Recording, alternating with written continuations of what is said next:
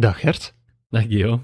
Het is uh, dag Gert voor de tweede keer vandaag. Ja, inderdaad. Uh, wat gaan we nog allemaal meemaken? Ah, ja, neem je een podcast op met Frank Uderie, zorgt Anderlecht weer eens voor een paleisrevolutie. Dus uh, ja, daarom eigenlijk, voor de eigenlijke aflevering met Durie straks start, geven we jullie nu al een kleine mini-special rond Anderlecht. En hier in de voetbalpodcast van het Nieuwsblad, Shotcast, in aflevering 3 bis. Ik heb zoveel energie, ik kan niet geblesseerd raken. ik kan één ding zeggen, ik heb goed geluisterd, goed gekeken. En ik denk dat Frankie mij op alle mogelijke manieren heeft ondersteund. Iemand waarop ik um, geweldig heb kunnen rekenen. Eh, hij heeft me begeleid als jonge speler, nu als jonge coach. En uh, ja, we staan erin met, met zoveel respect naar elkaar toe. En uiteindelijk um, ben ik uh, nu, nu, nu tot op een punt gekomen waar ik, waar ik alleen maar dankbaar kan zijn. Ja, Gert, uh, Vincent is op een punt gekomen dat hij alleen maar dankbaar kan zijn, zegt hij zelf in dat filmpje van, uh, van de social media van Anderlecht. Uh, hij stopt ermee en wordt voor vier jaar trainer. geef eens wat duiding. Ja, wat, wat mij vooral opvalt in zijn betoog is, ja, hij stopt als voetballer. Frank Verkouteren is niet meer de hoofdtrainer, Vincent Company wordt de hoofdtrainer. Maar hij zegt, het is tijd voor de duidelijkheid. En, en ik denk dat dat het ook is. Hè. Dus ehm, nu, er waren altijd twee kapiteins op het schip en uh, nu, zijn, nu is het duidelijk dat Company trainer is, geen voetballer meer is en dat Company de, de grote basis wat het uh, voetballende aspect betreft. Ja, ja, het is natuurlijk geweldig dat dat moet gebeuren op een moment dat we net een aflevering hebben opgenomen met een all-time hero van de Shotcast, maar goed, ja. Um, wat ik me wel daarbij afvraag, uh, ja, we kennen allemaal de voorbeelden met Bellocine en dergelijke, die uh, ja, incognito bijna moest trainen. Bij Company is dat ook altijd een probleem geweest. Is dat dan nu opgelost? Want het is niet dat ze hem verstoppen als hoofdtrainer, ook niet uh, met communicatie. Nee, blijkbaar is uh, toevallig afgelopen vrijdag Vincent Company Toevallig. ingeschreven voor uh, de Pro-License trainerscursus in België. Um, dus uh, als, dat, als, je inges, als je ingeschreven bent voor een Pro-License cursus, ja, dan mocht, mag je hoofdtrainer zijn. Dus je moet in België een diploma Pro-License ja. hebben om hoofdtrainer te zijn van een eerste klasse club. Hè. Dat is de situatie, ja. dat is verplicht vanuit de licentiecommissie. Dat heeft Vincent Company niet. Maar wat er nu wel ook vandaag bekend geraakt is, uh, is dat vorige week de Engelse voetbalbond alle documenten aan de Belgische voetbalbond heeft bezorgd, waar, waaruit blijkt dat Vincent Company, er waren al wat geruchten over, maar was nooit bevestigd dat Vincent Company in Engeland zijn traject al gevolgd heeft uh, tot aan de UEFA A. Um, stadion net voor pro-license. Ja, ja, en de Engelsen geven ook permissie uh, aan de Belgische voetbalbond dat de compagnie zijn, zijn traject hier mag vervolmaken. Ja, dus eigenlijk is dat een examen waar dat hij absoluut voor moest slagen, want anders is hij terug trainer af. Uh, ja, goede vraag. Dus, uh, vanaf januari begint hij in ieder geval aan die cursus. Ik denk dat dat drie, vier uh, halve dagen zijn voor, voor van die proftrainers. Um, en ja, als hij daarvoor slaagt, heeft hij zijn pro-license. Dan is er niets meer aan de hand. Dus wat vorig jaar nog een probleem was, compagnie die verdoken coach was en geen diploma had, dat is nu verholpen omdat hij is ingeschreven ja. voor de cursus. Zou Frank Boeks ook nog in de, in de studie zitten? Of... Uh... Goeie vraag eigenlijk, ja. Hij was, hij was UEFA aan toen, vorig jaar, denk ik. Was dus, zijn UEFA, uh, ja, of was het al zijn verkort traject? Ja, samen Kylian Overmeijer? Hij zat nog niet in de pro-license, denk ik. Het zou wel geweldig zijn, Company en, uh, en Frank Boeks ja, uh, samen op de schoolbanken. Het zou fantastisch zijn. Nu, ja, Company, maar wat is nu eigenlijk het effect voor, voor Frankie Verkouteren? Want Frankie Verkouteren, die, die wordt dan nu langs de kant geschoven, die neemt ontslag, die gaat weg. Op dit moment, hè, en dan spreken we één uur maandagmiddag, is dat nog nog wat onduidelijk. Um, hij was wel nog vanmorgen, toen de beslissing al genomen was, en, en was hij wel nog mee op de bus gestapt naar een uh, oefenwedstrijd van Anderlecht samen met compagnie richting uh, Leuven. Ze hebben daar ook naast elkaar nog op de bank gezeten. Maar okay. ik, uh, ja, ik kan me niet voorstellen dat hij nu assistent wordt van Vincent Company. Dus ja, hij zal vertrekken, uh, wie weet. Hij moet op de hoogte geweest zijn, want ja, we zagen ja. net dat filmpje ook van Anderlecht. een aankondigingsfilmpje van 2 minuten en half, veel gemonteerde beelden, ja. quotes uit verschillende standpunten opgenomen. Dat is niet iets wat je net op twee uur gemaakt nee, hebt. Nee, nee, en ik laat mij vertellen door Jurgen Geril, onze Anderlecht-watcher, dat het vorige week al, al wel veel discussie was tussen Company en, en, ja. en, en Verkouteren. Dus ja, wist Verkouteren dan al dat het zijn laatste wedstrijd was? Uh, het zou wel eens kunnen en heeft hij daarom zijn goesting gedaan en Trebel in de ploeg gedropt. Iets wat Compagnie niet zo graag had, uh, laat ik me ook vertellen door jullie. Uh, het is ja. wel gek ook, die carrière van Adrien Trebel. Elke keer als die man mag spelen, is dat op basis van, van een twistappel tussen ja, ja, ja, Nee, maar wat, ja, ja, om nu tot de kern van de zaak te komen, is het eigenlijk een goede keuze, want...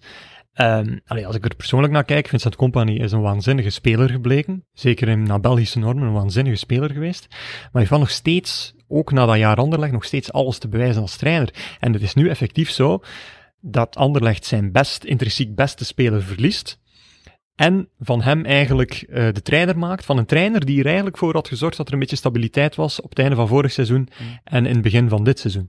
Ja, dat is inderdaad. Verkouter was erbij gehaald om, om net wat meer realisme in de filosofie van Company te, te brengen vorig jaar. Dus uh, heeft Company dan op, op, de, op die korte tijd de filosofie helemaal uh, door van wat meer realisme? Ik denk het niet, ik weet het niet goed. Het wordt, ja, we, zullen, we moeten hem een kans geven natuurlijk, maar je hebt het vorige week ook verteld over uh, Pirlo. Ja. Ja, dat is ook ik, een... jij waarschijnlijk, dat was uw lieveling, nee? Ja, ik nee, nee, Pirlo terughalen als trainer ah, is, zo, is zo ook een, een sprong in het onbekende. Dit is eigenlijk ook een, een sprong in het onbekende. Ik vind het ook opvallend... Ja, onbekend, uh, we weten wat er gaat gebeuren, hè. Trebel zal niet meer spelen. Dat zullen altijd de Sambi Lokongas ja, zijn. Ja, inderdaad. En ja, ze kunnen hem niet ontslaan, want binnenkort koopt hij voor 3 miljoen aandelen. Uh, ja, ook al, ja. Dus, en, uh, ja ik, ik, kijk vooral uit naar de definitieve terugkeer van de inverted wing, wingback. dus daar dat ben ik benieuwd naar. Nu, wat, ja, dat is Company als trainer. Het andere aspect is natuurlijk, ja, Company die, die stopt nu definitief als speler. Dus zoals hij zelf zei, nooit meer geblesseerd. En hij is in heel zijn carrière misschien 58 keer geweest. Ik sla aan de slag in, maar het zal er niet ver, uh, uh, ver van zijn. Maar als we ook gewoon kijken naar dat aspect, is dat ook baanbrekend. Want iemand die twee keer Belgisch kampioen geworden is, vier keer Engels kampioen, zes Engelse bekers, FA Cup, League Cup, heeft gewoon gouden schoenwinnaar, profvoetballer van het jaar, Ebbenhouten schoen, uh, all-time beste buitenlandse verdediger in de Premier League, uh, vorig jaar nog gestemd door, uh, door de volgers van BBC. Dat is niet niks. Nee, en het is een beetje, beetje jammer de laatste twee jaren sneeuwen dat, twee jaar sneeuwt dat allemaal een beetje onder, vind ik zo. Um, dus dus de, de terugkeer naar België heeft heel zijn mooie carrière toch een beetje in een schaduw gezet. Dus we mogen dat toch niet vergeten, dat hij, wat hij allemaal gepresteerd heeft. Wat je net hebt opgenoemd is natuurlijk fenomenaal. Ja, nou, heb nog eens over de Rode Duivels gehad ook natuurlijk. Ah, wel, ja, inderdaad. Dus dat is, uh, ja, ja, dat is een, een, een België, ja, dat is een van de, de, de grootste spelers uit onze geschiedenis. En dat gaat nog wel uh, vele jaren zo blijven. Ja, ik denk in die laatste jaren, zoals je zegt, um, is hij echt wel in het vaarwater gekomen van die eeuwige Club Brugge Anderlecht standaard discussie. En ja, omdat hij zich nu echt als weer pure Anderlechtman naar voren schuift, terwijl vroeger kon je hem als Rode Duivel nog zien als ja, meer de Belg, want er was geen connectie meer met Anderlecht, buiten de historische, eh, krijg je dat wel gevoel. En ik heb zelf ook een, eh, een poll geplaatst op, uh, op Twitter. Gewoon eens uit interesse compagnie is, en dan konden mensen invullen beste duivel ooit, top 3 beste duivel, top 10 beste duivel of overschat. En overschat haalt daar 33,6% van de stemmen op, op, en op 550 votes op dit moment. Dat is een, uh, dat is, dat is een schande dat er zo gestemd wordt, vind ik. Want we hebben het vorig jaar in een aflevering van Shotcast ook aangehaald. Ik was toen op Genk Anderlecht geweest en compagnie valt daar geblesseerd uit. Ja. Dat was gelach en ja. ho hoongelach van de tribunes. Uh, toen mochten er, nog, mochten er nog mensen naar het voetbal. Ja. Dat, en dat vond ik ook al een, een, een schandaal. Uh, dat is gewoon echt ja, een van de, van de grootste uit onze voetbal. ja. We hebben hier ook zitten lachen met hem als coach. Want allee, lachen is dan een groot woord, maar gewoon aankaart wat er op dat moment niet liep. En dat is nog steeds Natuurlijk. geen En de zekerheid. Er zijn vele blessures, dat is ook grappig soms. Maar, maar als speler kunnen daar gewoon niet aankomen. Nee, vind ik ook. Nee, dat is waar. Um, ja, um, punt is nu ook wel, Compagnie zal wel nooit een grote prijs pakken met de Rode Duivels. Nee, dat klopt. Hè. Dus, het uh, EK was wel nog stiekem een doel. Ja, hetgeen wat eigenlijk altijd...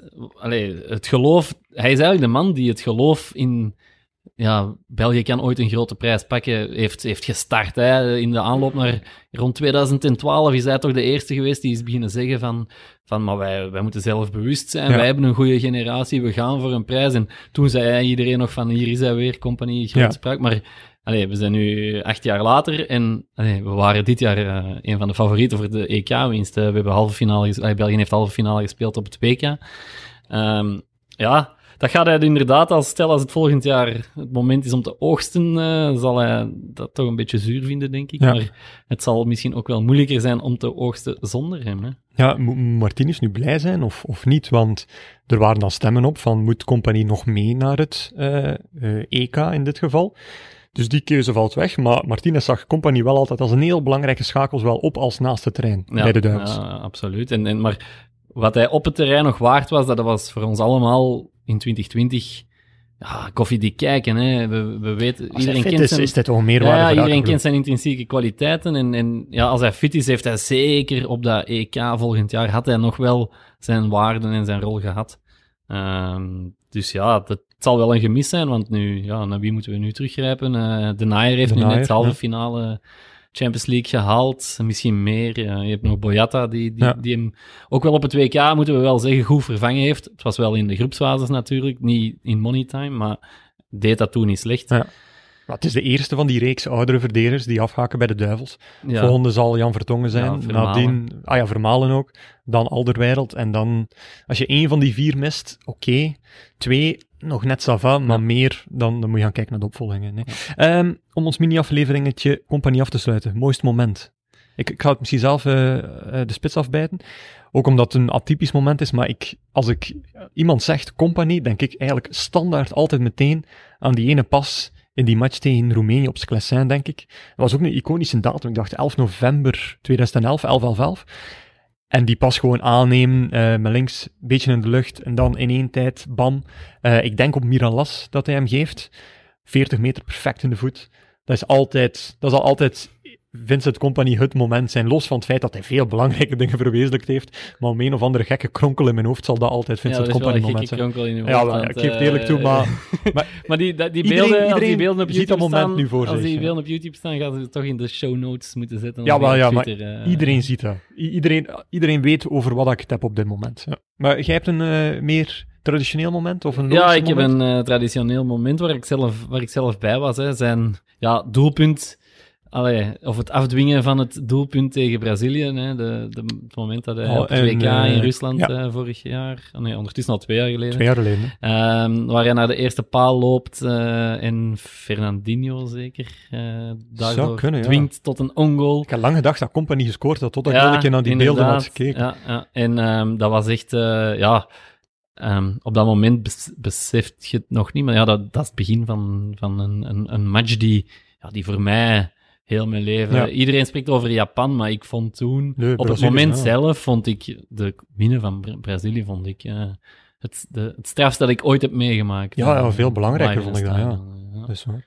Nee, jong. En uh, ja, natuurlijk, hij heeft ook belangrijke titeldoelpunten gemaakt. Voor, uh, dus hij heeft de goal tegen Manchester United met Manchester City bijvoorbeeld. Ja.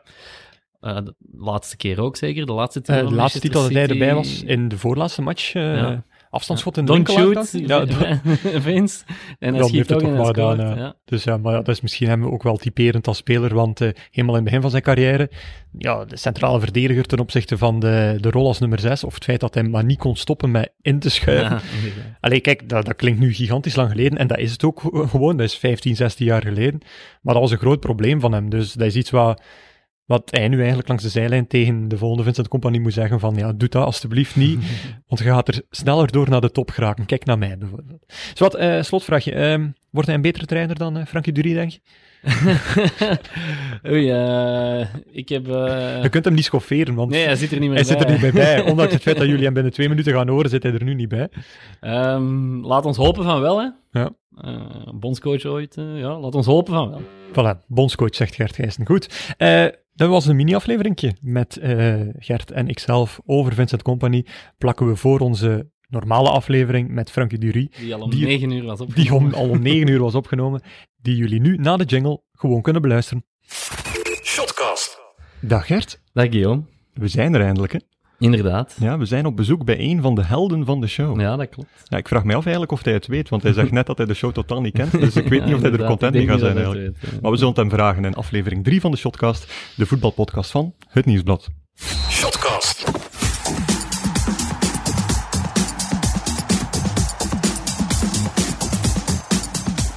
Gert, Dag Guillaume, nog eens. Nog eens, hè, ja. ja. kan mij aan niemand anders adresseren bij onze gast, maar ja, we moeten hem een beetje deftig inleiden natuurlijk. Hè. Nee, twee weken geleden op de kippenhoeve van, uh, van Hert Verijn, vorige week in uw prachtige pastoriewoning. En uh, ja, omschrijf eens waar dan we nu zitten. Uh, een perszaal op het uh, jeugdcomplex van uh. Ja, is, is dat een mooie beschrijving, Frankie? Kon dat niet wat luchtiger? Kon hij dat niet wat mooier voor worden? Want het is nee, toch wel meer dan een uh, perszaaltje. Met uitzicht op de mooie jeugd. Ik denk dat we een mooi oefencomplex hebben.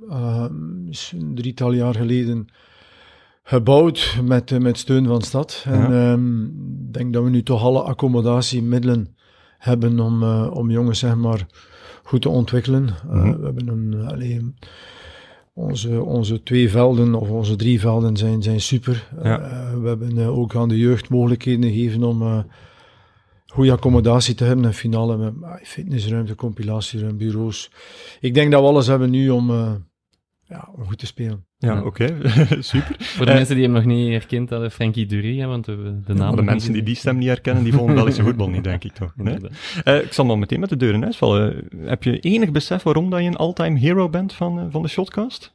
Totaal niet. Nou goed, dan gaan we dat binnen een, half uurtje wel, uh, wel even duiden. Dan gaan we de spanning nog een beetje opbouwen. Maar dus, podcast in het algemeen, is dat iets wat je doet als je, als je ontspant? Of nee. helemaal niet? hoe, hoe ontspant Frankie Dury eigenlijk?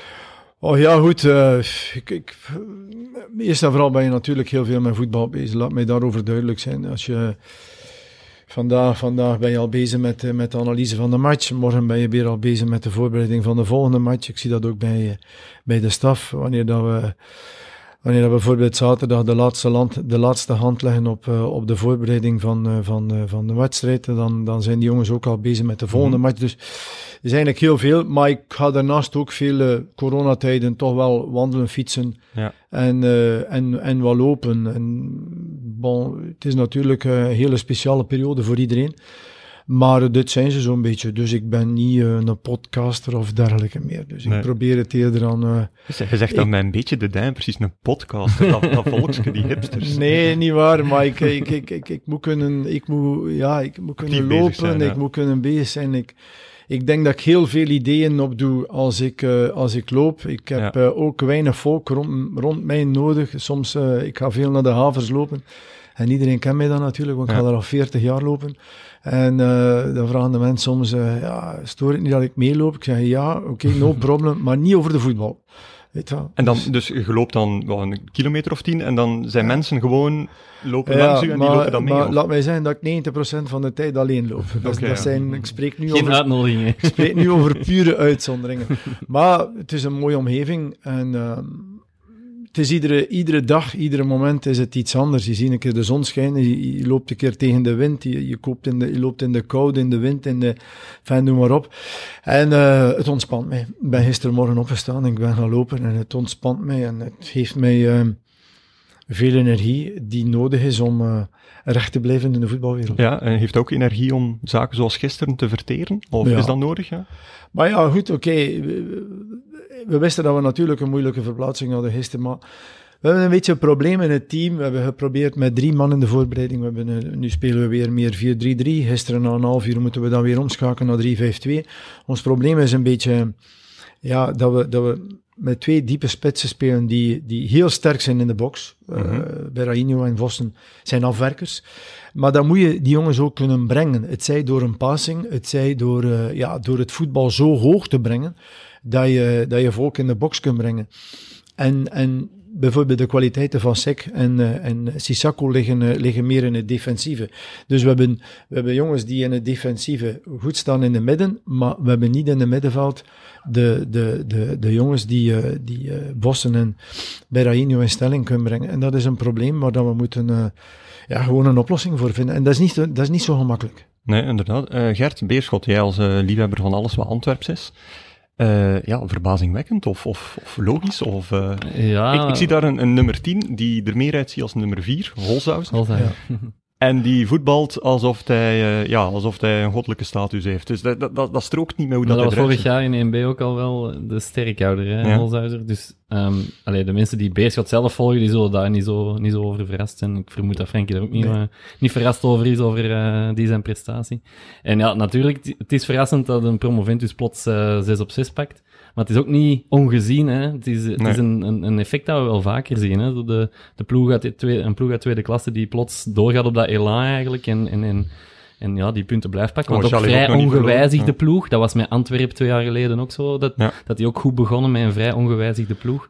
Klopt. Um, ja, dat zien we wel vaker. Dus en ja, die teren nu de rest van het seizoen gaan die teren op, dit, uh, op deze start. Sowieso. Nu en Frankie, je bent ook nog niet echt gezegend met een blessurevrije kern. Want uh, ja, rechtsachter bijvoorbeeld, ja, we hebben Sammy Bossut.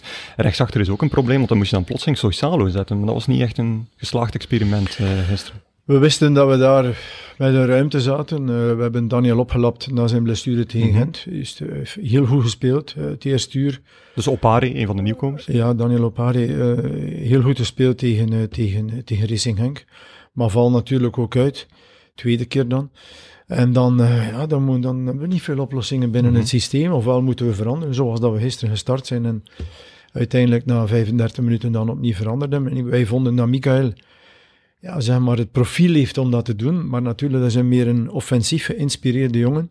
En um, ja, twintig jaar, uh, eerste keer dat hij start, uh, een, beetje, een, beetje, ja, een beetje onder indruk misschien ook wel. niet, mhm. van, niet van de specifieke omstandigheden, want er was geen publiek of dergelijke. Maar um, ja, misschien van de positie en dergelijke. En uh, ja, goed, dat was, dat was niet direct een succes en dat moet je veranderen. Want uh, mensen zeggen, ja, bon, je hebt hem vervangen na 35 minuten. Maar ik denk dat het best ook is voor hem om hem te mhm. vervangen. En dit is niet de fout van die jongen alleen, het is het, uh, het, is het team. Uh, we wisten voor de wedstrijd drie accenten voor Beerschot Halshauser. Eén als uh, ja, de man van de setpieces, de man van de, van de, van de laatste pas.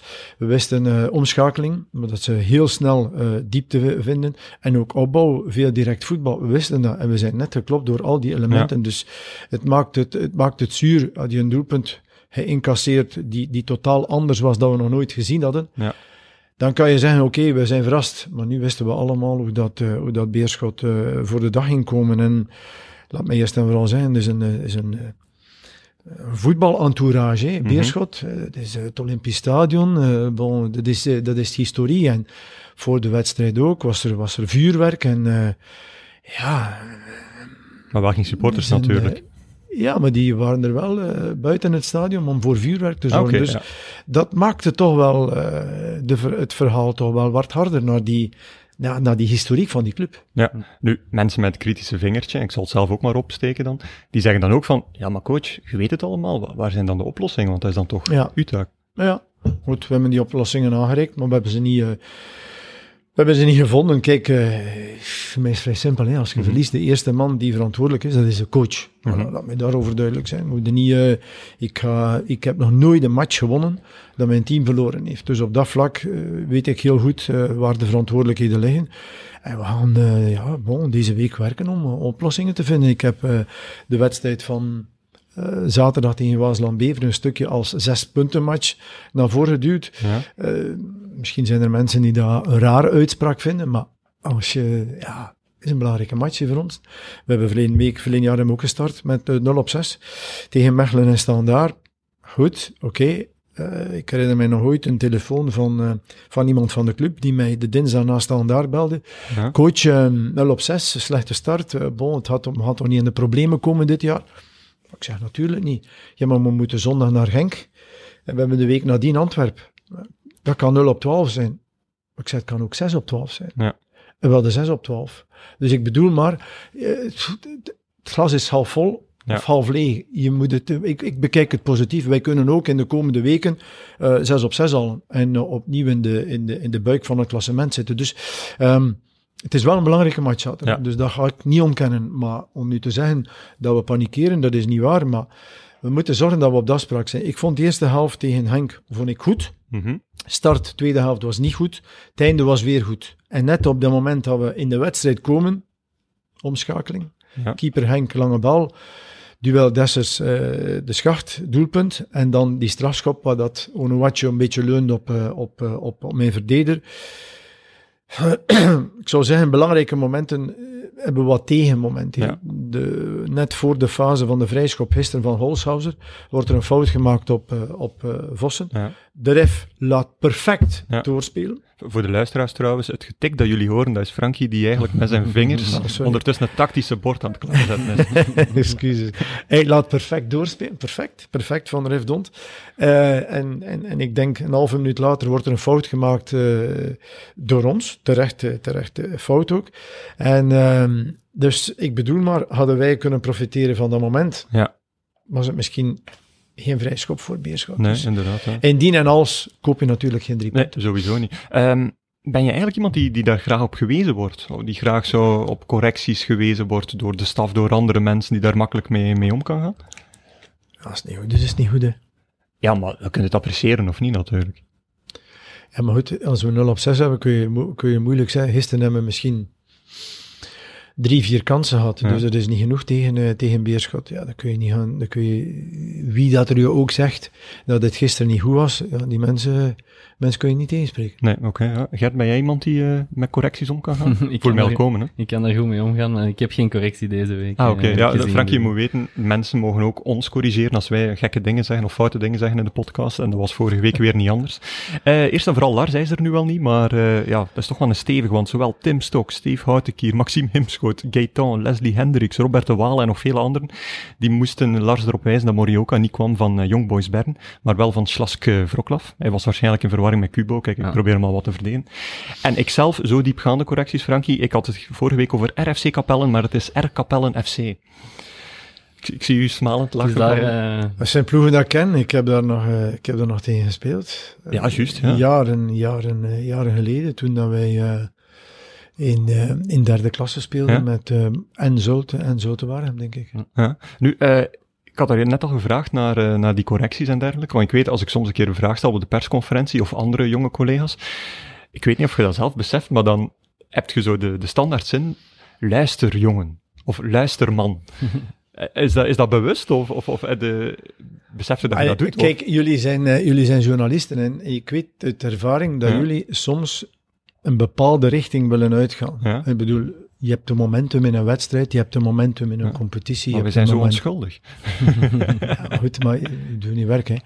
En dan is het wel belangrijk dat je, dat je ook eens luistert naar het, eh, naar het verhaal van een coach die, uh, ja, die toch iedere dag, dagdagelijks met een, met een team werkt. Want, want allez, ik, heb hier, ik heb hier nog nooit denk ik nooit een journalist gezien die er, die er 14 dagen aan een stuk ieder momentum van de training volgt en weet wat, wat, de, wat, de, wat de ideeën zijn. Ik maar de helft van die training zijn gesloten. Ja, dat is ook juist. dat is ook, maar dat heeft misschien ook een reden. Maar uh, nee, maar het heeft, het heeft, er zit soms een, er zit soms een idee achter. Soms heb je, heb je, heb je journalisten die zeggen, ja oké, die ploeg is zo defensief geïnspireerd, ik zeg maar iets. Maar wat dat, dat bijvoorbeeld totaal, totaal niet waar is, dat is gewoon omdat we misschien positioneel dan niet, dan niet juist staan. Maar wij hebben, uh, in de aan de basis hebben wij uh, offensieve ideeën, offensieve uh, strategieën. En dat dan, als dat er niet uitkomt, is het ja gewoon te maken omdat de, omdat de tegenstander ja, ons niet uh, die, uh, die ruimtes of die automatisme niet toelaat. Nee, sowieso. Goed, uh, ja, we gaan overgaan naar de eerste vraag. Wij werken altijd in vaste rubriekjes. eerst gaan we nog even Bieben een shout-out geven, onze, onze sponsor, bettingpartner ook van de Pro League, en straks terug te vinden in onze Spiontop rubriek. Um, ja, de eerste vraag we eigenlijk al helemaal beantwoord, want ik ga normaal altijd het rijtje af met de vraag, wat hebben jullie allemaal gezien of gedaan afgelopen weekend? In uw geval is dat redelijk duidelijk. Er stond namelijk op het kiel in het Olympisch Stadion. Maar hoe ziet dan nog de rest van het weekend er eigenlijk uit? Uh, zaterdag uh, afval matchen bekijken? Of, uh... Ik heb zaterdag, zaterdagmorgen naar de wij training. Zondag, zaterdag namiddag heb ik een stukje, ja. stukje, stukje ronde van Lombardije gezien. Oké. Okay. En s'avonds hebben we ja, een pak matchen bekeken. Ja. En zondag ben ik gaan lopen naar de havers. Ja. en, Met volk of zonder volk? Zonder volk. er was wel veel volk aanwezig. En uh, zondag namiddag is er, is er match. Ja, oké. Okay. Ik vond het wel grappig. Dit weekend was het iets minder, maar in het eerste weekend tegen Genk, wij konden op tv alles horen wat dat je zei. Dat was, uh, er zijn allee, allee, allee momenten geweest tegen de ref, wat vaak voorkomt, denk ik. Uh, er is ook uh, medio-blok, medio-blok dat je tactische richtlijnen aan het geven was. Um, waren daar bewust van en past u daarop aan? Nee, of, ik ben er niet bewust van. Ik ben, ik ben er niet bewust van, omdat je in principe speel je, speel je met publiek en is dat minder. Ja. Uh, maar goed, ja, in C maakt mij dan, stoort mij dat eigenlijk niet. Uh, het zou je wel storen, moest die micro net naast die de hout staan, Ja. en dat je dat ziet of weet of dergelijke. Maar als je dat niet weet, goed, ja, wat dat je roept. Ik kan ook eens vloeken hoor. Ja. Ik bedoel, eh, er is niks verkeerd aan een keer vloeken op, op, een, op een speler of op een, of op een ref of een keer niet akkoord gaan met een, eh, met een, eh, met een beslissing of met een momentum. Ik, ik vind dat er daar niet, niets verkeerd aan is. Ik heb er al veel over gesproken met ref of met, met, met, met mensen uit de, uit, de, uit de boord van, van commissies en dergelijke. Een trainer moet kunnen, mogen uh, emotioneel reageren. Dus op dat vlak, zeg maar, het rationele, tactische Ja. en het emotionele zijn zaken die moeten, uh, ai, die moeten kunnen. Nee, En sowieso. Het is niet dat je nu, omdat je ook weet, iedereen die achter u zit, het zijn er niet veel, maar ze horen nu allemaal perfect. Het is niet dat je daar door je anders gedraagt, of, of, of je hoort nu ook meer misschien, ik weet het niet. Uh, zijn er Ja, van ja je hoort, bestuursleden je of hoort van- elkaar ook. eh, je, je hoort veel meer interactie op het, op het veld, dat klopt wel. Eh, Je hoort veel meer, gisteren ook viel het mij op dat, eh, dat de spelers van Beerschot eh, meer coachten, eh, meer riepen, zeg maar, dan, dan, Dat dan, van dan, van vorige week ook al, dan hè. onze spelers. Ja. Ja. En eh, Daar leer je dan wel van, eigenlijk. ja, ik ging net zeggen van, probeer het dan zelf in een andere taal te communiceren, zodat ze het niet verstaan, of, of geef je niet veel weg eh, door zo oude en open te roepen. Kijk, kijk er zijn, er zijn, in voetbal zijn er niet zoveel geheimen. Nee. Het gebeurt allemaal op het veld. Dus of dat je nu roept fallback, of dat je nu roept Ja. blok, of dat je nu pressing, of wat dan ook. Kijk, pressing is, is, is twee zaken. Je kan het moment herkennen om te pressen, eh, de trigger zeg maar. Maar het belangrijkste is, je moet wel die bal hebben. Ja. Eh, ken ik, ik, eh, ken ik veel teams die, eh, die het triggermoment wel herkennen, maar die de bal niet veroveren. Ja. Ik heb deze week eh, Barcelona eh, Bayern München gezien. Ja, daar zit alles in. Hè. Dat is niet alleen die- dat triggermoment herkennen, dat is de bal veroveren en dat is ook nog Ja. kansen creëren. In één en dezelfde actie. Dus dat, dat, dat, dat- die gaan nog een stap verder. Dus ik denk dat er weinig geheimen zijn in, in de pure coaching. Nee, er, zijn, er zijn weinig geheimen, maar er bestaat wel zoiets als geheim schrift. Want eh, wij hebben ooit een keer op winterstage een interview gedaan. En ik weet nog dat je zo in the moment waart, dat je mijn boekje erbij nam en zegt van, ik ga u uitleggen hoe dat wij spelen. Tak, tak, tak, tak, tak. En ehm, dat is dus uitgemond in, eh, ja, wat zal het zijn, drie eh A3'tjes. Ik ga ze gewoon even aan Gert geven om te zien of hij er iets uit kan halen eigenlijk. Eh, Eh, ik zie, Dus zeg maar gewoon wat dat je ziet ik eigenlijk. zie een voetbalveld met een, twee centraal verdedigers, twee verdedigende middenvelders en de hoge flankverdedigers. Ja, dat Dus is ik al- weet niet wat een, en een infiltrerende acht, zie Ja. ik. Op Dan eh, de tien die mee in de box moet sluiten, denk ik, of zo. Ik We spreken nog ongeveer van twee jaar geleden. Hè? Ja, ja, en dan zie ik iets waar ik niks van herken. Eh, recuperatie, ja. En nog, een, ah, nog de aanvalslinie. Dus eigenlijk over elke linie staat hier wel iets op, denk ik. Maar- Frankie, kun jij misschien wel helpen wat je daarmee bedoelt met die... Ja, ik ga ze krabbels noemen, maar... Ja, is goed, hè? Ja, goed. Dus hier staat eh, duidelijk dat we vanuit, een, eh, vanuit onze opbouw, vanuit een centrale vierhoek is, Ja. zeg maar de positie 3, 4, 6, 8. Ja. Oké.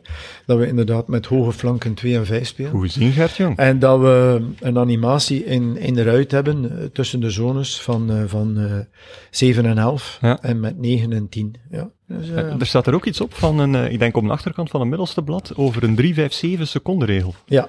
Kun je die een keer duiden? Want Ja. we kennen wel de secondenregels van Peter Bos eh, en, en, goed, en dergelijke, maar 3-5-7... Dat is de omschakelingen eh, van balbezit naar balverlies. Ja. Dus eh, als je de bal hebt, oké, voor mij no problem, iedereen kan de bal verliezen. Dus dat is, dat is een geven, dat kan, dat kan een middenvelder zijn, dat kan best een aanvaller zijn, want dan ben je eigenlijk heel ver van je Ja. eigen doel.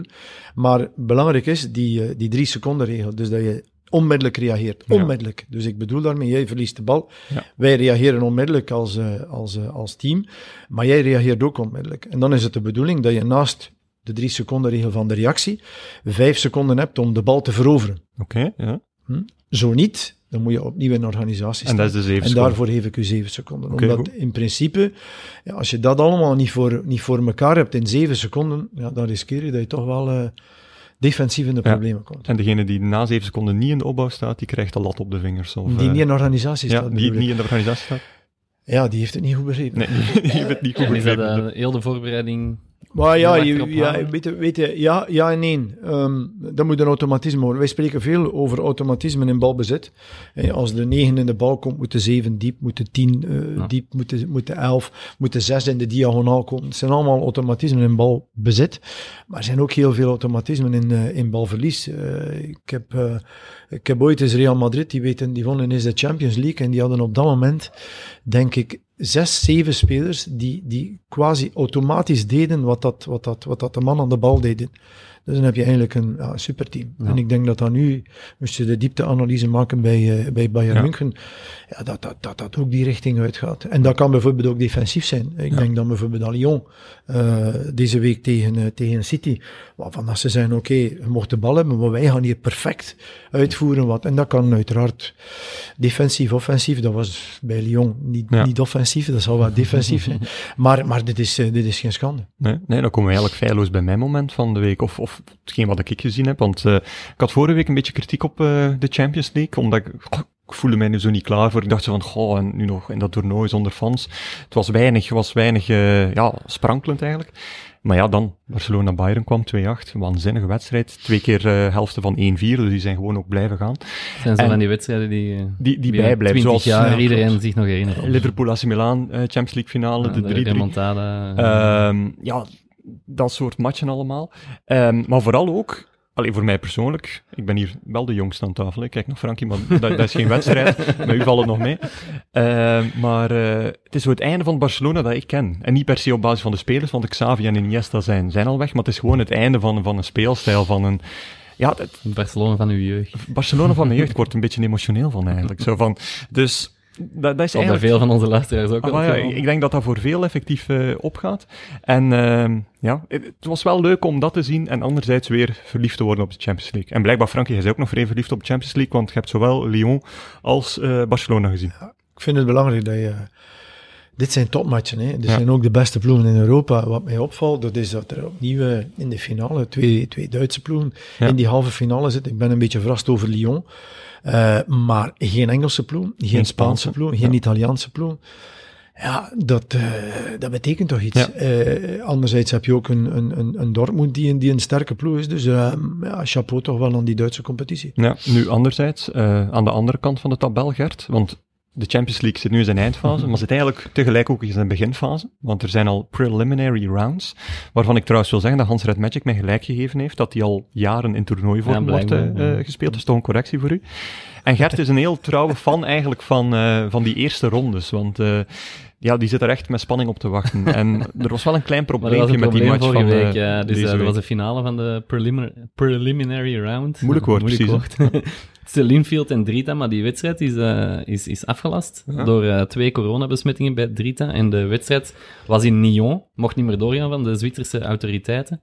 Dus uh, heeft Linfield een 3-0 forfait overwinning toebedeeld gekregen, waardoor zij nu morgen al, denk ik, terug ja. aan de, of dinsdag, voor de mensen die op een andere dag luisteren, aan de slag moeten tegen Legia Warschau. Dus ja. deze week zijn het halve finales, maar ook de tweede kwalificatieronde, met onder andere Celtic. Oké, okay, maar dus Drita, Kosovaars kampioen, al zijn kansen op de groepsfase van de Champions League zijn gewoon afgenomen Ja, geweest. door twee corona-gevallen. Maar dus eigenlijk is de regel van de UEFA is in Europese wedstrijden, als er nog 13 spelers beschikbaar zijn, waarvan één doelman, ja? dan moet er gespeeld worden. Okay. Maar de plaatselijke autoriteiten, als die strenger beslissen, ja, dan moet de UEFA inbinden en dan moet UEFA een nieuwe datum vinden voor de volgende ronde. Ja. Maar dat kon nu niet, omdat de Zwitserse autoriteiten voet bij stuk hielden. En dan ja. wint de ploeg met de minste besmettingen. Allee, ik weet niet of dat, dat exact de regel is, maar in dit geval is het wel zo. Omdat de... Ga je rust een slag naar slaan. We worden wel gecorrigeerd. Worden wel gecorrigeerd volgende week, ja. Heb je nog iets anders gezien van de week? Ja, ik vond vooral um, Goretzka, uh, want heel, Barcelona heeft dit weekend heel veel aandacht gekregen ja. na, de, na de pandoering. Maar Bayern München, als je ziet, uh, ja, de trainer is al enorm opvallend. Maar die Goretzka, ik heb foto's gezien. Wat een jong. Dat ja, is niet normaal. En ze hebben op Twitter circuleren er foto's van hem voor de coronabreak en na de coronabreak. En het zal, de manier van poseren zal er ook wel mee te maken hebben, maar dat was een, een panlat ja. tussen aanhalingstekens van tevoren. En ja, je ziet, hij heeft gewerkt aan, aan zijn postuur tijdens de break en dat, ja, was ook enorm goed. ik vond die echt uh, een van de verrassingen voor mij in die, in die wedstrijd. Ja. Nee, sowieso. Uh, gaat nog iets Belgisch? Uh... Ja, ik heb de bevestiging gezien van wat we hier al lang zeggen in de podcast. Ja, u zelf op de borst kloppen. Ja, het is altijd slecht weer aan de keerweg. Ah, ja, dat klopt, ja. heb, u, heb je daar ook ervaring mee? Altijd koud aan de keerweg, dat is bij ons zo een, een dingetje. Als dat, wij daar komen als journalist, het is altijd koud. En moet je bedoel je? Ja, Eupen. Ja, ik heb er al uh, heel veel mooie momenten gehad. Uh, ooit de halve finale van de Beker van België, dus gewonnen en uh, gekwalificeerd voor de finale, ah, dat we dan uiteindelijk gewonnen hebben. Ik heb daar al gewonnen met 0-4, ik heb daar al gewonnen met 0-5. En was het altijd koud? nee. nee. Nee, ik ben er al een paar keer geweest in het begin van het seizoen. Ah, dan is het heel leuk waarschijnlijk. Ja, dan is het heel leuk. Ik ben er ook eens geweest op het einde van het seizoen. Een chapeau voor Eupen. die hadden bleef goed. Of? Die hadden een slecht terrein toen dat wij de halve finale daar speelden. En die zeiden mij, binnen 14 dagen ligt er hier een nieuwe grasmat. En wij zijn dat toen op het einde eh, nog terug geweest, omdat we toen play-off speelden tegen hen. En dat was er een schitterende grasmat. Dus op dat vlak eh, kunnen we toch wel aan die mensen uh, die, die structuur ja, toch wel overnemen. Want uh, goed gestructureerd. Okay. Maar nu was er dus waterballet. Ja, het was waterballet. Um, dat kwam tegen Club Brugge dan natuurlijk. Dat kan voetbal niet altijd een goede, maar uiteindelijk was het uh, ja, voor Club Brugge wel een, uh, een makkelijke zege. En het zal in deugd gedaan hebben, want ze hadden in 2020 nog geen enkele keer met meer dan één doelpunt verschil gewonnen. Um, nu dan de 0-4. Um, ehm, ja, het was uh, vooral de, de wraak van ja, hoe moeten we het zeggen? De wraak van de dikke nek. Om het, ah, wie is een dikke nek? Ja, in... Ik dacht dat Lars hier niet was vandaag. nee, die, Diatta kreeg vorige week... Allee, die is een beetje geforceerd natuurlijk, hè, maar Diatta kreeg vorige week de kritiek dat hij te Hotijn speelde. Of de indruk gaf dat hij te Hotijn speelde, van Gert Vrij bij ons in het Nieuwsblad mm in de column. Uh, en Clément had ook laten verstaan dat hij meer verwachtte van zijn spelbepalende ja. spelers, Diatta van Haken-Vormer. En nu, ja, Diatta toch, uh, toch twee goals, een goede prestatie ook. Allee, ik denk, hij had deze week een persoonlijk gesprek gehad met, uh, met Clément. Ja. Clément had hem beelden getoond van wat hem allemaal fout deed. En ja, hij zei zelf toch ook dat het aangekomen was en dat hem de boodschap begrepen had. En het was eraan te zien. Ja. Eh, Frank, ik vermoed dat jij dat soms ook wel doet met een speler, dan tonen wat, wat zijn beelden dan zijn. Heeft er daar ooit al een keer iemand eigenlijk slecht op gereageerd? Dat hij met, met een decoder begint te, te gooien of zo? Of, uh, of iedereen accepteert dat? Nee, want beelden zijn gewoon een bevestiging van woorden. Ja. Dus op dat vlak kun je niet veel... Beelden zijn een bevestiging van woorden. Dat klinkt zo prachtig poëtisch. ja? ja, toch? Is zo? Ja, dat is ook zo, ja. dat klopt. Ja, ik kan me... Ik kan ja, ze kunnen er niks tegen inbrengen dan, Nee, hè, ik kan tegen jou met zoveel mogelijk woorden een, een situatie proberen uit te leggen. Ja. 3, 5, 7. En wijs naar uw prachtige uh, tekening.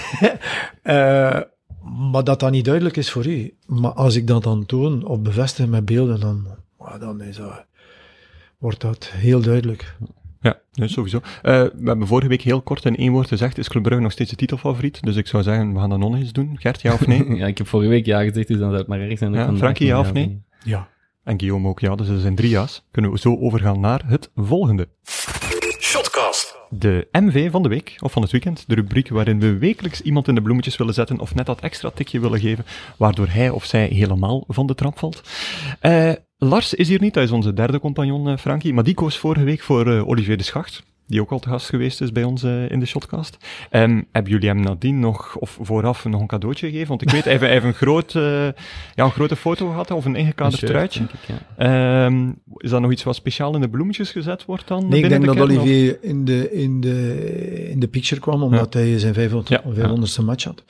Dus uh, ik werk nu tweede seizoen met Olivier. Nou, ik, ik, heb daar maar één woord voor, chapeau. Ik bedoel, um, ik was altijd geïnteresseerd toen dat hij rond de 35 was ja. en nog speelde in Anderlecht. Een paar keer gecontacteerd en zei, coach, allez, ik wil uh, zo lang mogelijk in Anderlecht spelen, wat ik begreep. En toen is hij naar, uh, naar Lokeren gegaan. Ik wou, ik wou hem toen ook al. Ja. Maar wij, um, ja, wij iets te lang. Dan hebben we uiteindelijk de Rijk verloren aan agent. Ja. Net in hetzelfde weekend dat hij getekend had voor Lokeren. Dus het zat wel wat in. En uh, toen dat Lokeren uh, degradeerde, denk ik, hebben wij opnieuw contact opgenomen. En dat is uh, zeer snel rondgekomen. En bon, Olivier, kijk goed, als je zo, zoveel, zo lang voetbalt, op dat niveau, topniveau, Anderlecht, Europees, noem maar op ja, dan kun je, dan kun je al wat vertellen op ja. en naast het veld. En uh, als je dan wat vertelt, dan, uh, Ja, dan moet er ook geluisterd worden. Ja. Punt aan de lijn. Het is niet zo dat hij met taart getrakteerd heeft in de kleedkamer of zo voor iedereen. eh, Eh, z- zondag bedoel je? of of eh, een ander moment in de week. Je brengt mij op een idee. Ja. Moet hem voorstellen, dat zou ik zeker doen. Ja. Nu, eh, ja, Zeg dat van ons komt. ja, ja. En mocht ook dan een stukje doorsturen naar de Katwilweg ik zal het, 2, eh, 2050 Antwerpen. In een, eh, in een envelop. In, in een envelop moet daar zeker goed aankomen.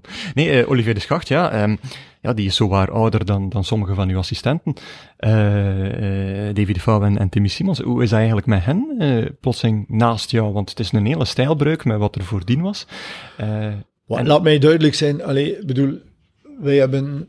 Wacht, ik heb 17, eh, 17 of 18 jaar gewerkt met, met, met, met Eddie van den Bergen. Ja. Dat is, dat is heel goed verlopen. Je werkt nu acht jaar met Ronnie Vries erbij. Dat is heel goed verlopen. Ja. Je mag niet vergeten, we hebben het al wel neergezet. We spelen 15 jaar onafgebroken in eerste klasse. Ik denk dat we naast de top 5 de ene ploeg zijn die zo lang in eerste klasse speelt. Eh, dat vraagt de appreciatie, maar dat vraagt ook bevestiging. Dus op Ja. dat vlak. Maar wij zitten met aandeelhouders. Wij zitten met directie die, eh, die geïnvesteerd hebben in deze club. En die mensen zeiden op een bepaald moment, ik werd naar de, naar de clubleiding geroepen en eh, die mensen zeiden, oké, we zitten met drie zestigers, waarvan ik de oudste ben. ja. En het zou beter zijn dat we verjongen. Mhm. Mijn eerste antwoord was, kijk, dit loopt goed. Mm, Je, als je wil verjongen, moet je niet alleen verjongen, maar je moet ook verbeteren. En als je het dan toch doet, was mijn punt, omdat de directie daar wat op stond. eh, Verjongen, oké, ik ben de oudste. Als je dan toch Ja. wilt verjongen, misschien moet je een andere coach nemen. Dat is mensen- effectief op tafel gelegen. Maar ik heb... De... Nee, nee, nee. Er was sprake van assistenten, maar Ja. het was de leeftijd die Ja. precies toch, toch wat deed. Ik, ik weet niet van waar dat kwam, maar uiteindelijk hadden wij, hadden wij behoorlijk goede resultaten. Maar ik denk dat het een beetje in de onthoogeling was van de januari maand verleden jaar. We moeten ook niet flauw doen. Drie jaar geleden wonnen we nog de beker en speelden we nog play-off 1. Mhm. Twee jaar geleden speelden we nog Europees. Verleden jaar hebben we nog Bongonda verkocht. En dit jaar stonden wij tot in januari stonden wij op de zesde plaats. Dan zaten wij in de halve finale Ja. van de beker aan bij. Maar wij spelen tegen Henk, we verliezen. We spelen op Antwerpen, we verliezen. We spelen de dubbele confrontatie tegen Club, we verliezen. Hè. Laatste drie minuten hier. Ketelaar gescoord. En ehm, we gaan naar Charleroi twee dagen later. Dat we geëlimineerd dan voor de Ja. halve finale of voor de kwartfinale. En we verliezen ook. Dus we verliezen in een maand. We hebben maar één match gewonnen. 5-0 tegen Waasland Beveren. En eh, met de integratie van Vossen die twee keer scoort. Dus ik was Ja. gelukkig. Maar in die vier weken verliezen we alles. En hadden toen moeten stormen aan de Côte d'Azur, was het, was het, was het jullie zijn schuld. Dus Ja. er werd plotseling gevraagd om te verjongen. Goed, Ik heb gezegd, jullie zijn directieleden, jullie zijn aandeelhouders, jullie zijn investeerders. Als, dat jullie beslissing is, is dat, is dat zo. Maar ik zou dat niet doen per twee. Ik zou dat bijvoorbeeld doen, ene man. Ja. Maar goed, er is dan voluit gegaan voor twee man. Ik wist wel dat de club wilde dat Davy dat was. Maar toen ik natuurlijk hoorde dat Timmy Simons interesse had, ja, Timmy Simons is, eh, is een statuut. Hè. Ik bedoel, als speler heeft hij ongelooflijk veel ervaring. En heb mij dan eh, in een babbel er toch wel, ik had ik wel een goed gevoel. En dat Ja. zijn ja, de, die- de nieuwe generatie die aankomt. Hè. Dus op En dat brengen ze dan een nieuwe visie mee? Of, of veel vernieuwende elementen? Of is dat puur op naam dat ze die status Wat puur op naam niet. Die jongens volgen nu alle twee de, de, de, de UEFA. Eh, die, zijn, die zijn heel mee in het moderne know-how in het voetbal. Kijk, een positiespel is een positiespel. En een afwerkingsvorm is een afwerkingsvorm. Dus eh, bedoel, wij waren ook mee met nieuwe filosofieën en nieuwe, ideeën. Wij zijn ook eh, heel sportwetenschappelijk, eh, hebben wij ook die know-how je gaat niet met die accommodatie werken als je nog werkt op een manier van tien jaar geleden. Maar plotseling, doordat wij in die maand verloren, ik herhaal, had moeten stormen toen in de Côte d'Azur, was, het- was, was het mijn fout. Ook Dat wel is, een goede boetade eigenlijk. ja. ja, maar dat is een ontgoocheling. En ik begrijp dat ook wel. Wij, wij, wij waren op stage geweest naar Marbella. Sponsors, directieleden hadden afgekomen. We hadden, we hadden een heel goed gevoel. Kijk, we gaan ervoor. Onze eerste match tegen Henk. Henk eh, ook wat versterkt. Hij eh, kwam Mhm. uit die situatie van achtste, negende Ja. positie. Kwam af, wilde met Anderlecht de laatste derde goed doen om terug te keren. En wij verliezen en we moeten dan naar Antwerpen. Ja. Waar, dat we, ja, waar dat we eigenlijk tactisch een hele goede match spelen. Maar, maar we verliezen met 2-1. En dan hebben wij een paar dagen later spelen wij tegen een club. Eh, ik weet niet of je die halve finale herinnert hier thuis. Een hele goede match spelen. En twee dagen later moeten we naar Charleroi. Goed, in die ontgoocheling van die beker. En ik ga je zeggen, kijk, als je al... We hebben een paar, we hebben al een paar play-off 1 gespeeld. Mhm. Ploegen die nog nooit play-off 1 gespeeld hebben, ja, die, hebben die, die hebben de gewoonte van play-off 2 te spelen. Die, die, Dus ja, dat is een feit dat zeker is. die kunnen niet verlangen naar. Maar bij ons was de ontgoocheling na het verlies tegen Charleroi zo groot, dat op dat moment, ik zag dat aan de jongens hun reactie ook, ja, die competitie mocht, mocht stoppen. We hebben hier dan nog tegen Kortrijk staan we hier 2-0 voor. Kortrijk komt terug op 2-1. De laatste 10 minuten krijgen we twee open kansen dat we missen. En Kortrijk scoorde in de 94e minuut. We hadden zes keer niet gewonnen tegen Kortrijk. We stonden 2-0 voor. En we krijgen dan nog de gelijkmaker binnen in die vier. En ik bedoel, maar dit allemaal zorgt voor ja, ontgoocheling. Zouden we die kasten dan toch een keer niet in het zwart schilderen? Ze staan nu al tien jaar in het wit, houden ze een keer niet in het zwart schilderen. En, en op het- zich is er niks verkeerd aan. Nee. Dus werken wij, nu op, werken wij nu op een andere manier? Goh, wij werken op 80, 90 procent op dezelfde Mhm. manier van, van, van verleden seizoenen.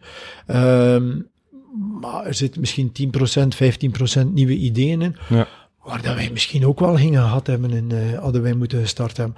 Maar ik vond het spijtig dat je, dat je moet afscheid nemen van mensen. En, nou ja, bon. Goed, het is gebeurd, ik kan dat niet meer terugdraaien. Ja. Is het ehm, op dat moment voor u, die deze club 15 jaar geleid heeft, naar boven gebracht heeft, veel, ehm, veel hebt beslist, veel hebt... Allee, voor mij is Frankie Dury het gezicht van, van, van Zulte Waregem en, en, en de man die allee, van ver, veraf alles doet en alles beslist. Maar om dan, om dan vast te stellen, vorig jaar, van... Ja, er zijn... Allee, ik, ik heb wat minder macht. Allee, macht is, is een vies woord, maar ze... Ja, er komen hier mensen... Aan mijn stoelen Ja, niet aan mijn stoel, maar ze toch, toch laten voelen van... Ja, je bent een werknemer.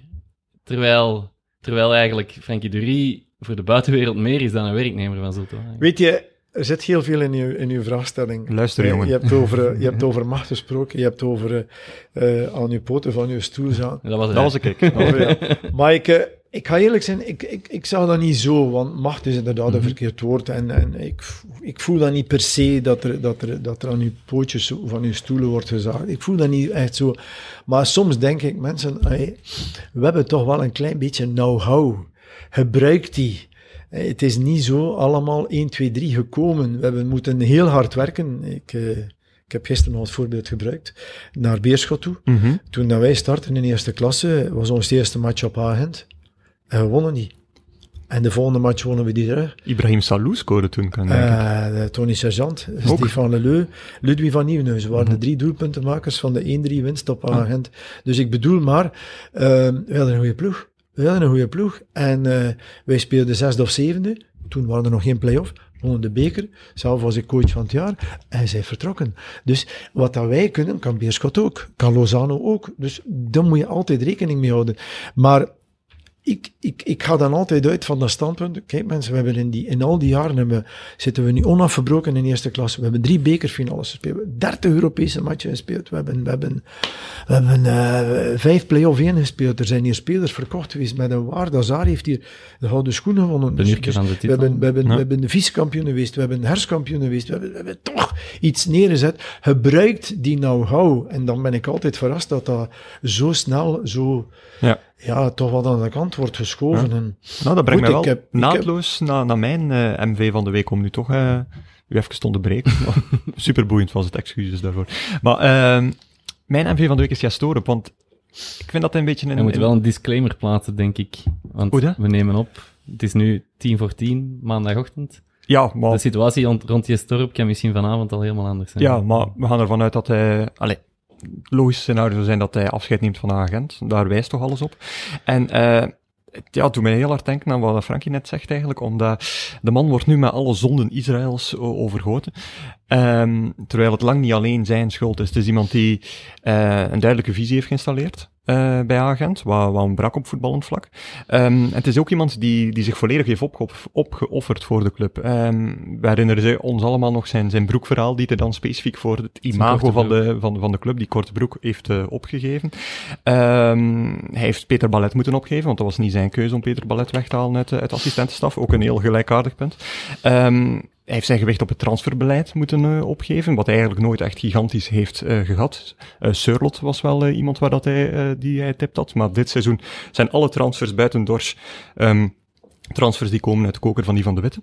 Um, en dan vooral, hij heeft ja, zich helemaal voor eigenlijk, voor, ja, voor zijn voorzitter willen tonen. Want bijvoorbeeld een persdiner, uh, dat standaard is voor Europese wedstrijden, ik denk daags voor de wedstrijd tegen Saint-Etienne, daar was Jastorup aanwezig om de sponsors eigenlijk een beetje uh, in de gratie te brengen. Nooit gezien. Uh, nee, dat is, dat is, ongezien. Als ook Jastorup op een gegeven match vorig seizoen, een uur voor de aftrap, kwam die plotseling ja, langs de perszaal in kostuum en moest hij ook even hallo gaan zeggen aan sponsors. Een uur voor, een de, uur voor de match. Dus dat zijn allemaal zaken waar wat dat die, die arme Deen, om het dan zo te zeggen, zich toch wel in, in gewenteld had te zeggen van oké, okay, ik wil dat doen voor jullie.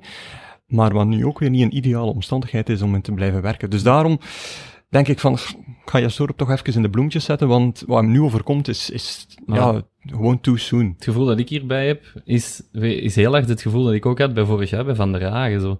Je voelde al voor het seizoen de twijfels. Ja. En, en er werd al voor het seizoen gesproken over Wim de Dekker komt. Misschien is dat een uh, inleiding voor Laszlo Beleu niet te halen. Mhm. En ja, en dat was vorig jaar bij Van der Hagen ook al het geval. Dan denk ik van, leer, leert die club dat dan niet? Ik, ik, ik denk, vorige week hadden we het over intensiteit is het modewoord. Uh, in de eerste week van de competitiestart. Maar als ik nu ook het verhaal van Frankie hoor, denk ik dat ongeduldigheid uh, ja. het modewoord is van, uh, van deze week. Zwat, Gert, jouw MV van de week. Ik ben heel benieuwd hoe dat je die gaat ja, uitspreken. Ik ga het kort houden. mijn MV van de week is Bogdan Mikhailichenko. Oh, mooi. Goed uitgesproken? Vanaf de eerste keer, denk ik. okay. Het is beter dan uw Portugees. Um, hij kan zelf nog geen... Allee, Engels praten lukt nog niet voor hem, maar scoren wel. op zijn, zijn eerste wedstrijd, ja. als ik het niet fout heb. Want vorige week, Anderlecht had wel een linksachter nodig. Vorige week stond Sardella daar. Is niet ja. geen echte linksachter. En ja, het strafste verhaal is eigenlijk wel dat van Kemar Lawrence, die eigenlijk de linksachter is van Anderlecht. En de Jamaicaanse die eigenlijk taxi. maanden, maanden spoorloos is geweest voor de club. Alleen of het echt spoorloos was, is, is misschien ook uh, overdreven. Maar dus de, die zit nog altijd in Jamaica, omdat uh, zijn broer ja, vermoord is, denk ik. Ja, overleden is uh, en, en wilde, wilde een tijdje stoppen met voetballen. Dus die gaan we ook voor het eerst niet terugzien. En ik denk ja. dat ze bij Anderlecht heel blij zijn dat ze nu een linksachter hebben die dan... Ja, die was, dat doet eigenlijk. Ja, hij was toch... Allee, hij viel op met zijn snelheid. Defensief vond ik hem ook wel scherp. Dus uh, Sowieso. iemand niet op één wedstrijd. En hij maakt een goal terwijl hij vertrekt vanaf de middenlijn. Ik kijk dan naar de coach ja. en ik denk van als je die goal tegenkrijgt, ja. dan breekt je een Zijn we niet gelukkig als, als, als coach van de, van de tegenpartij. Maar inderdaad, Antwer uh, Anderlecht had wel nood aan een, uh, aan een puur linksbenige vleugelverdediger. Die, kan, die kan een meerwaarde geven, vooral in die, zeg maar in die wingcorridor. Want, want, de wingcorridor, prachtig woord weer. Ja, ja, je zit zo te lachen, maar de Toch wingcorridor. Geleerd, ja, ja, wel, ik heb al veel geleerd eigenlijk. De 45, de wingcorridor, ja. En uh, ik vind dat dat uh, heel belangrijk is in het, in het moderne voetbal. Hè. Ja, nee, sowieso. Is het Anderlecht van nu beter dan het Anderlecht van de laatste weken van vorig seizoen? Ah, die waren ook goed. Ja. We hebben uh, daar een zware nederlaag op gelopen, maar ik heb u een beetje de omstandigheden geschetst. Ja. wij waren aan het vallen en zij waren aan het komen, dus op dat vlak wil ik dat wel ergens een beetje nuanceren. Maar laat mij duidelijk zijn, Anderlecht blijft Anderlecht. En zij zullen wel eens door een crisis gaan en iedereen loopt wel in een, een keer in een crisismoment. Ja. Dat kun je niet, het fluctueert. Dat, dat, is, dat, is, dat, is, dat is ook de voetbalmaatschappij. Maar uh, zij komen terug. Ja, uw MV van de week. Vertel eens wie... Is Remco Evenepoel. Ja, kijk, maar dat, dus al die gasten die we al gehad hebben dit seizoen, die kiezen dus allemaal coureurs. Hè. ja. ik, ik, weet dat je de Shotcast niet kent, maar we zijn wel nog steeds een voetbalpodcast. Ja, maar ik denk dat je een voetbalprogramma bent, of een voetbalpodcast, maar dat je ook een sportverhaal moet brengen. En we zullen ik, zelf bepalen wat we zijn, maar... toen ik zondag, zaterdag namiddag keek naar tv, uh, was ik ongelooflijk gelukkig dat, dat, dat die jonge gast die in een favoriete rol zat, dat hij mee was. Ja. En dan gaan ze die afdaling naar beneden en dan zie je Nibali, die kop pakken. En we zijn aan het kijken waar dat die, waar dat die jonge gast zit, die Belg. En die is mee. En een van de beelden dat ik, die, die in mijn geheugen geprint staan, is uh, die fiets tegen die muur. Ja. En mijn eerste reactie is, wie heeft die fiets daar gezet? Ja. Ik kan me niet inbeelden dat je, dat je die fiets ook kunt parkeren, zelfs als je valt. Ja. Ik, ik denk dat niet. Dus, ehm, maar dan is het verhaal en dan hoor ik die, die journalist uh, met museum praten over, ja, bon, erg, noem maar op. En, en dan zit je daar minuten, een stukje in spanning. Die journalist beschrijft dat dan goed. Het, het haar op mijn arm komt recht, emotie, emotie, noem maar op. Maar dat is bij iedereen zo, weet je wel. Ja. En dan... Uh, als je als topfavoriet, die jongen zat in de vorm van zijn leven, samen ja. met Wout van Aert, waren dat, dat de figuren van, uh, van, uh, ja, van, de Van startende, Augustus, van de startende koersprogramma. En uh, die jongen valt dan op die manier uit, carrière, enfin, die, dit, dit seizoen voorbij. Ja. Ja, dan staat hij toch wel op nummer 1. Want uh, Agent of Torp of, of, of Waregem of noem maar op. Wij hebben nog, wij hebben nog 28 matchen om dat, uh, om dat recht te trekken.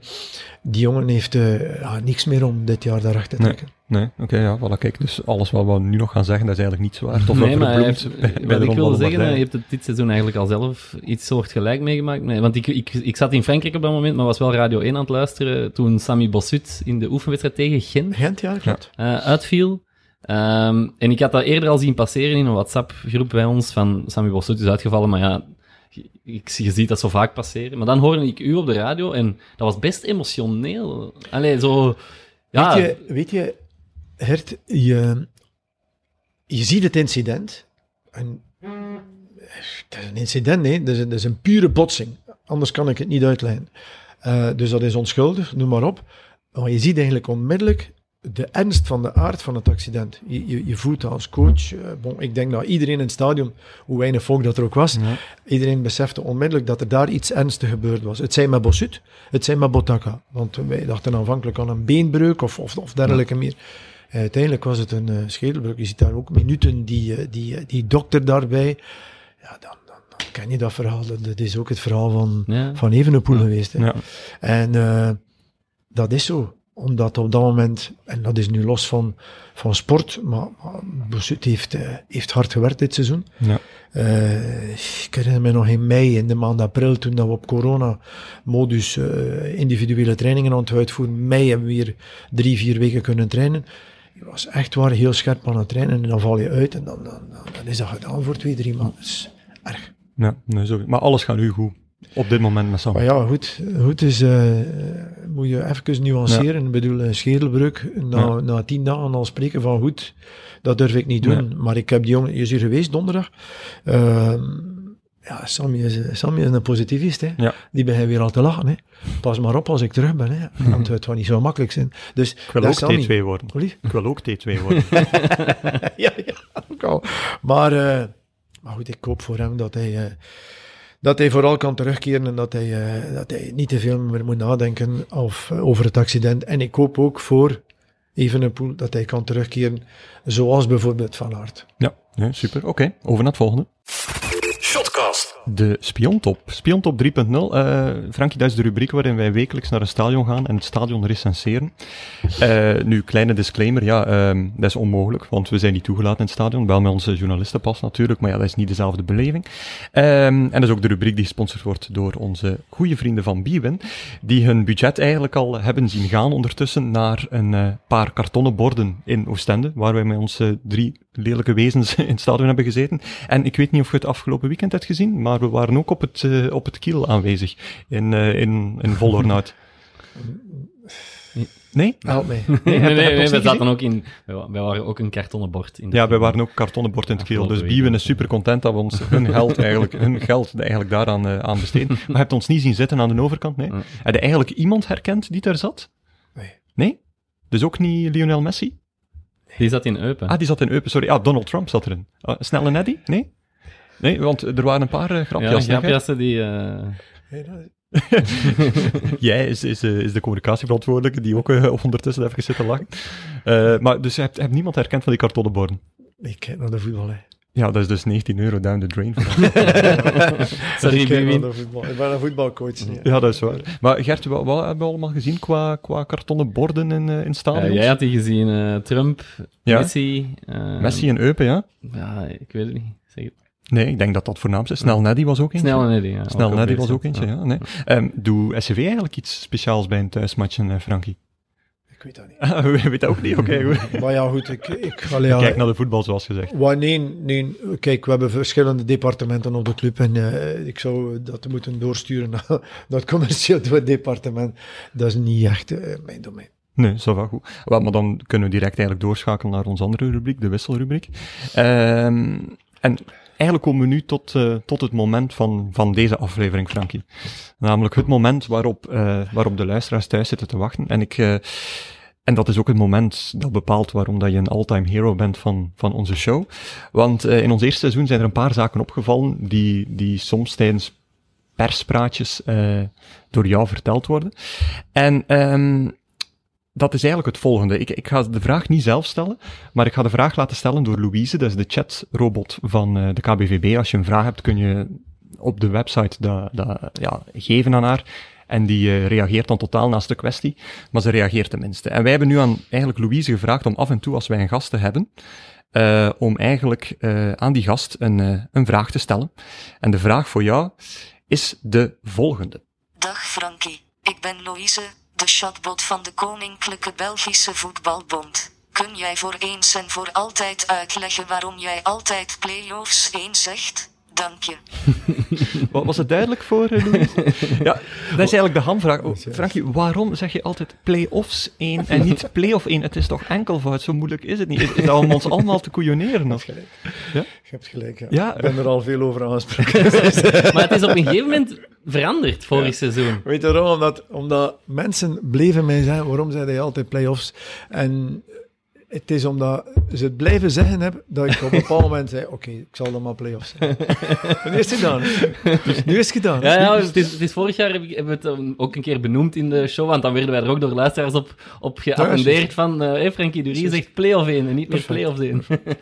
Ja. dus, uh, maar je was er dus wel van bewust. Ik, uh, op dat moment niet natuurlijk, hè, als je het zegt niet, maar, maar er zijn nog zoveel mensen die mij er al over aangesproken hebben. En uh, ik zeg, oké, okay, ik zal dat maar veranderen. Ja, en dus nu nooit meer play-offs 1? Nee. Of, of gaat het gewoon blijven doen om aan te doen? Ik zou heel graag play-off 1 spelen, ja. maar ik ga nooit meer praten over play-offs 1. En wat gebeurt er als we u kunnen betrappen op play-offs 1? dan uh, inviteer ik u voor een volgende podcast. Ah, dat is goed, ja. Okay. En dan kan ik misschien iets meebrengen wat ik uh, uit de XCXC, wat jij niet ziet, rubriek uh, van deze uh, wisselrubriek kan halen. Namelijk een ijsje uit het ijssalon van Onurkaya. Nu, er zijn wat gekke dingen die voetballers durven doen tijdens hun carrière of nadien. Maar qua investment uh, is dat toch wel gek. Namelijk, Onurkaya heeft de Glacier Flamingo opgericht in Schaarbeek. Dus een, een ijssalon. En de man wordt geïnterviewd door onze collega Diederik Gijpen van, van GVA. En die zegt daarin doodleuk dat hij helemaal niet houdt van ijs. en die poseert dan met zo'n hoorntje dat zo ja, een beetje begint te, te, smelten, want het was waarschijnlijk de laatste foto van een sessie. Uh, en die, ja, die zegt uiteindelijk, ja, ik hou niet zo van ijs, maar het is een leuke investering en dergelijke. Ik weet niet, Onurkaya was natuurlijk een ex-speler van, uh, van jou, Frank. Een hele goede speler. Uh, ooit zoveel ja, businesswijsheid in de man gezien? Jawel, jawel, jawel, jawel, jawel, jawel. Hij heeft met mij nog uh, ja, bepaalde zaken uh, uitgelegd, dat ik hier nu niet ga uh, uitspreken. Maar, maar waarom niet? Nee, toch, nee, nee, nee, omdat dat, dat, is, dat, is, dat is privé voor hem. Maar Onur is een, is een verstandig jongen, ja. echt waar. Ja, en uh, ijssalon, dat verbaast je dan wel, of niet? Of... Ah ja, dit, dit, dit is een, momentum of zoiets. Ja, is, dat is, soms passeert er een, een, trein en moet je op die wagon springen. Hij zal er wel zijn reden voor hebben, dat weet ik niet. Ja. Gert, jij nog iets voor uh, de wisselrubriek? Ja, de Karagiannis Cup heeft ah, ja. voor de eerste keer een echte inzending. Uh, de Karagiannis Cup, Frankie, we zullen het uh, even uitleggen. Manu. Ja, ja. dus um, Gert Vrij was in onze eerste aflevering te gast. Hij had toen, vertelde toen over um, voetballers die... Zij hielden dat vroeger bij in hun kastje bij Club Brugge. Uitspraken van voetballers en dan meer bepaald spreekwoorden, zegswijzen, die fout afgewerkt worden. Dus um, ja, die fout... En, en ze hingen dat in hun kastje op om daar zelf dan op, extra op te letten. En Karagiannis had ooit gezegd... Uh, de boezem in eigen zak steken. De boezem dus in eigen zak steken. Wij dopen hem om tot de Karagiannis Cup en onze lezers, luisteraars, sorry, die sturen nu elke week uh, zulke dingen in. En blijkbaar heeft de commentator um, bij Eupen Club Brugge ja. uh, zich bezondigd aan uh, de het niet-spreekwoord, je weet maar nooit dat er nog een appeltje uit de kast komt gevallen. dus dat is onze eerste echte winnaar van de, van de Cup. Uh, Cup deze week. Ja, dat is, Voilà. eh, dat is eigenlijk perfect. Ik ben nu nog zelf snel even nog een ander voorbeeldje aan het zoeken, want een luisteraar, een fan van Waas van Beveren, die heeft het volgende doorgestuurd van het eh, Waas van Beveren clubkanaal. Eh, Denzel Jubitana zei eh, vorig jaar dit na een wedstrijd tegen Anderlecht. En je moet echt goed luisteren, want het is, eh, het is, echt, het is echt bizar. Het was echt een bikkelwedstrijd. Ja, klopt. Het is eh, met tandvlees, twee tanden erbij eigenlijk, op scherpe tanden spelen en dat wij proberen doen. Ja, dat op scherp, met twee tanden erbij op scherpe tanden bijten. Dus dat kan ook wel tellen voor Karagiannis Cup, denk ik. Eh, Inderdaad.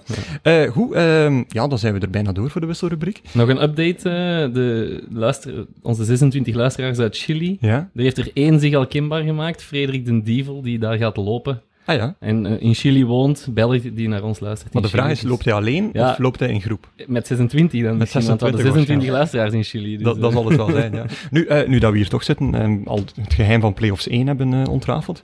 Um, Doe de Cordier, zegt je dat iets, eh Frankie? Hashtag Doe de Cordier, dat is iets wat we zelf ge- eh, opgericht hebben. Want we hebben gemerkt dat als, eh, als Eddie een, een transfer aankondigt, dat hij aankondigde. Altijd dezelfde pose hanteerde. Namelijk eh, half 45 graden naar de camera, de hand en de arm op dezelfde hoogte, en dan eens stevig shaken. eh. Maar het is niet dat dat hier een eh, trend is geworden, dat is nog niet. Anders moet je dat een beetje zeggen, zo van, doe de Nee, cordier. echt waar, nog nooit. Nee, nee, nee. spijtig. Da- da- daar had ik nog een leuker verhaal aan gekoppeld gezien, maar eh, toch niet uiteindelijk. Goed, over naar het slot. Shotcast. Ja, eh, geen quiz vandaag, want eh, ja, Frankie heeft nog een, eh, een, eh, eh, ja, voor een partner-meeting, of een, eh allee, dat klinkt nu heel fout, een business partner meeting. Eh, ik moest eigenlijk om tien uur ja, dan gaan we nu... eh, bij, eh, bij een sponsor zijn. Juist? Dus ah, wel, wij hebben nog twee minuutjes nodig en dan laten wij u eh, vertrekken uit uw eigen huis, namelijk het Toefcomplex van SCV. Nee, eh, dus daarom dat we het, het quizje gaan overschakelen en voor volgende week gebruiken. Eh, maar de vaste vraag is altijd, wat ga je volgende week doen? Dus eh, die stel ik dan ook eh, aan jou, Frankie. Maar kijk, ik, ik heb dat al uitgelegd voor, eh, van heel in het begin van de uitzending. Eh, als je 0 op 6 hebt, dan, eh, dan, dan, dan, dan heb je een slechte start. Ehm, Dus ken- bezinnen is het antwoord voor deze week de, ook. Ik ken de club goed. Allee, we zullen nu wel de koppen bij elkaar steken om, eh, om, om de goede analyse te maken. Maar zaterdag hebben we een belangrijke match. We Ja. moeten er niet flauw over doen, want... eh, Tegen wat van Beveren. Ja, ondertussen hebben die andere ploegen ook al wat punten gepakt. Wasland Bever speelt nu vanavond nog. Dus, dus we, moeten, eh, ja, we moeten zorgen dat die afstand... Kijk, het gaat hem niet altijd over afstand in de punten, maar het gaat hem ook over gevoel. Je werkt met mensen. Ja. Dus als je, als je 6 op 6 pakt of je pakt eh, 12 op 12, dan heb je een goed gevoel. Dan, eh, dan, dan denk je plotseling minder na. Dan komt alles vanzelf. Dus een spits die, eh, die Mhm. scoort aan de lopende band, die zet er zijn voet tegen en die, die, die bal gaat binnen. Een spits die niet scoort aan de lopende band, die gaat nadenken. En net aan nadenken doet hij twijfelen. En twijfelen doet hij slechte beslissingen nemen. Ja. Dus het is een en-en-en verhaal. Dus wij eh, doen er alles aan om... eh, ja, om zaterdag te winnen. Ik heb, eh, ik heb dat gezegd voor de match, deze week op de persconferentie.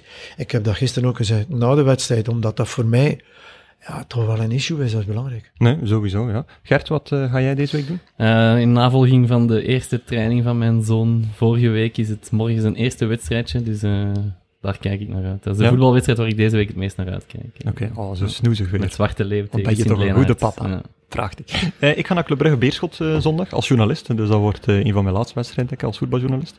Dus eh, dat wordt ook wel nog een leuke. Eh kijktippen nog iemand? Eh, wedstrijden waar dat we moeten naar uitkijken? Ik ga zeggen Waasland Beveren eh standaard vanavond. Want eh, ja, het zijn toch twee ploegen die drie op drie hebben gepakt. Voor mij, ja, de halve finales, Champions League, Ja. finale Europa League. En dan eigenlijk, ik vind ook wel de derby Westerlo-Lierse zondag. Ja. Bij start van 1B moet het ook nog een beetje aankondigen. Ja, dus eh, zondag, derby, Lier- derby Westerlo-Lierse, 16 uur. Alright, Frankie, jij nog een kijktip? Waarschijnlijk iets uit de koers. eh. Nee, het Europese voetbal deze week. Ja. Eh, echt waar, het Europese voetbal. Eh, ik, ben, eh, ik ben benieuwd. Eh, interessante wedstrijden. Eh, Leipzig die in de laatste minuten over Atletico Madrid gaat. Eh, PSG die in de laatste minuten... eh, eh, pardon. PSG die in de laatste minuten Over Atalanta eh, gaat. Over Atalanta gaat, ja. En dan eh, de ruime overwinningen van, eh, van onder andere eh, Bayern München. Ja. En, en, en het specifieke eh, organisatie van Lyon, die toch uiteindelijk Juventus uitschakelt en, eh, Ja. en, eh, en nu Barcelona. Dus, eh, en nu, eh, Uh. Man City. Eh, hoe zeg je? Manchester City. Manchester City. Dus dat is niet, dat is niet niks. Ik ben, ben toch wel benieuwd naar die halve finales. Alright, super, goed. Um, Frankie, mag ik je onwijs hard danken voor je aanwezigheid? Vond je een beetje het leuk, je eerste podcast? Ja, tuurlijk. Want ik wist totaal niet wat dat er mij uh, te wachten stond. Mijn vriend uh, Chandri zei de uh, podcast, uh, Nieuwsblad, kende dat. nooit, nooit, Absoluut nee, maar, niet, nog nooit van gehoord. Maar nee, nee mag je mij niet kwalijk nemen. Maar wat viel mee? Het viel mee. Ja, maar Eén keer in dit seizoen. Het zijn nog play-offs in, zegt natuurlijk. Ja, want, ja. Dat, is goed, want dan mogen we terugkeren. Dat is wel goed. Uh, de herhaling van de kanalen voor mensen die ons willen contacteren. Podcast.nieuwsblad.be, shotcast.nieuwsblad.be, shotcast op Twitter, shotcast op Twitter of hashtag shotcast. En voor de rest bedank ik iedereen nog eens. Bedankt Biwin voor weer het geweldige budget dat we weer kunnen verkwanselen naar believen. Bedankt Frank U3 voor uh, je aanwezigheid. Uh, en voor de, vooral de ontvangst hier van ons. En ook bedankt businesspartner van Frankie Dury, die nu eigenlijk een kwartiertje minder Frankie Dury tijd heeft. We beloven plechtig dat we nooit meer zo lang zullen vasthouden. Dat is nota bene Paul Renson, die 60 jaar wordt. Dus ah. een van onze main partners. Ja. Dan wil ik er toch Gelukkige nog wel aan toevoegen. Gelukkige verjaardag, inderdaad. Proficiat. Tot volgende week.